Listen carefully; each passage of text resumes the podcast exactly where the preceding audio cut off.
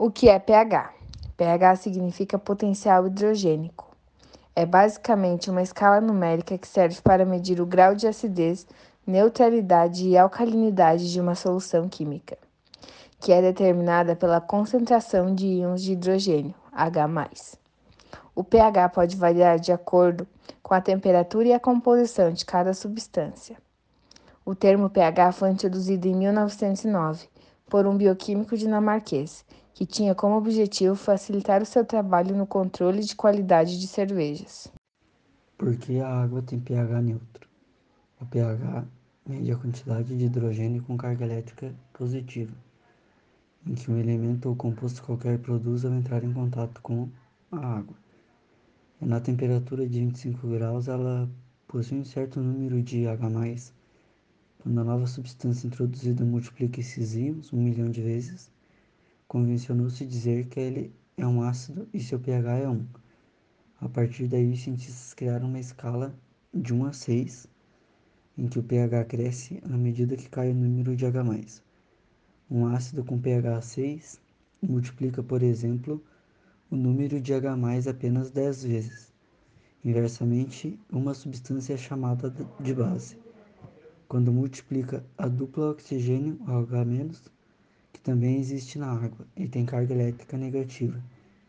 Na escala, as bases começam no número 8, para quem produz menos OH-, e vão até o 14, os que multiplicam os OH- da água por 10 milhões.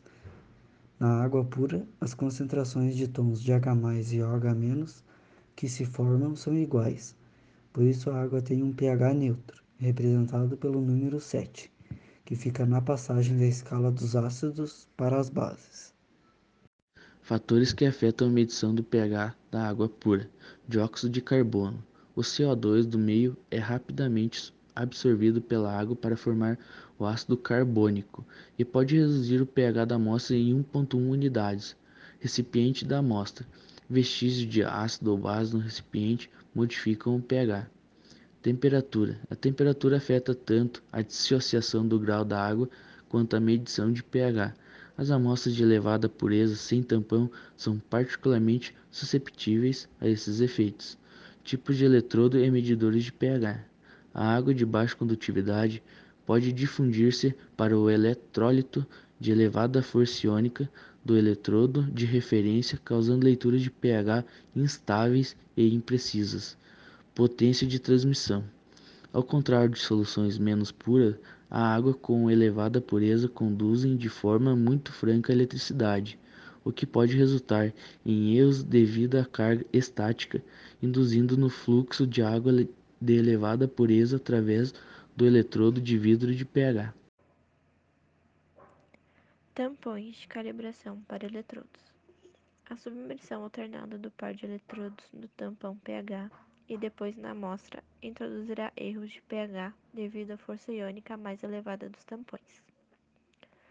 Como determinar o pH da água pura de forma precisa? A medição em linha, com sensores de pH de baixa impedância, sob condições cuidadosamente controladas, fornece o melhor meio para obter leituras precisas de pH. Todas as normas para água com elevada purificação excluem especificamente o pH como critério de pureza. Todas se baseiam na condutividade ou resistividade. O excesso de íons de hidrogênio ou hidroxilo a valores de pH diferentes de 7.0 irão diminuir a resistividade da água. Como resultado, existirão limites para afastamento de 7.0 que o pH pode ter.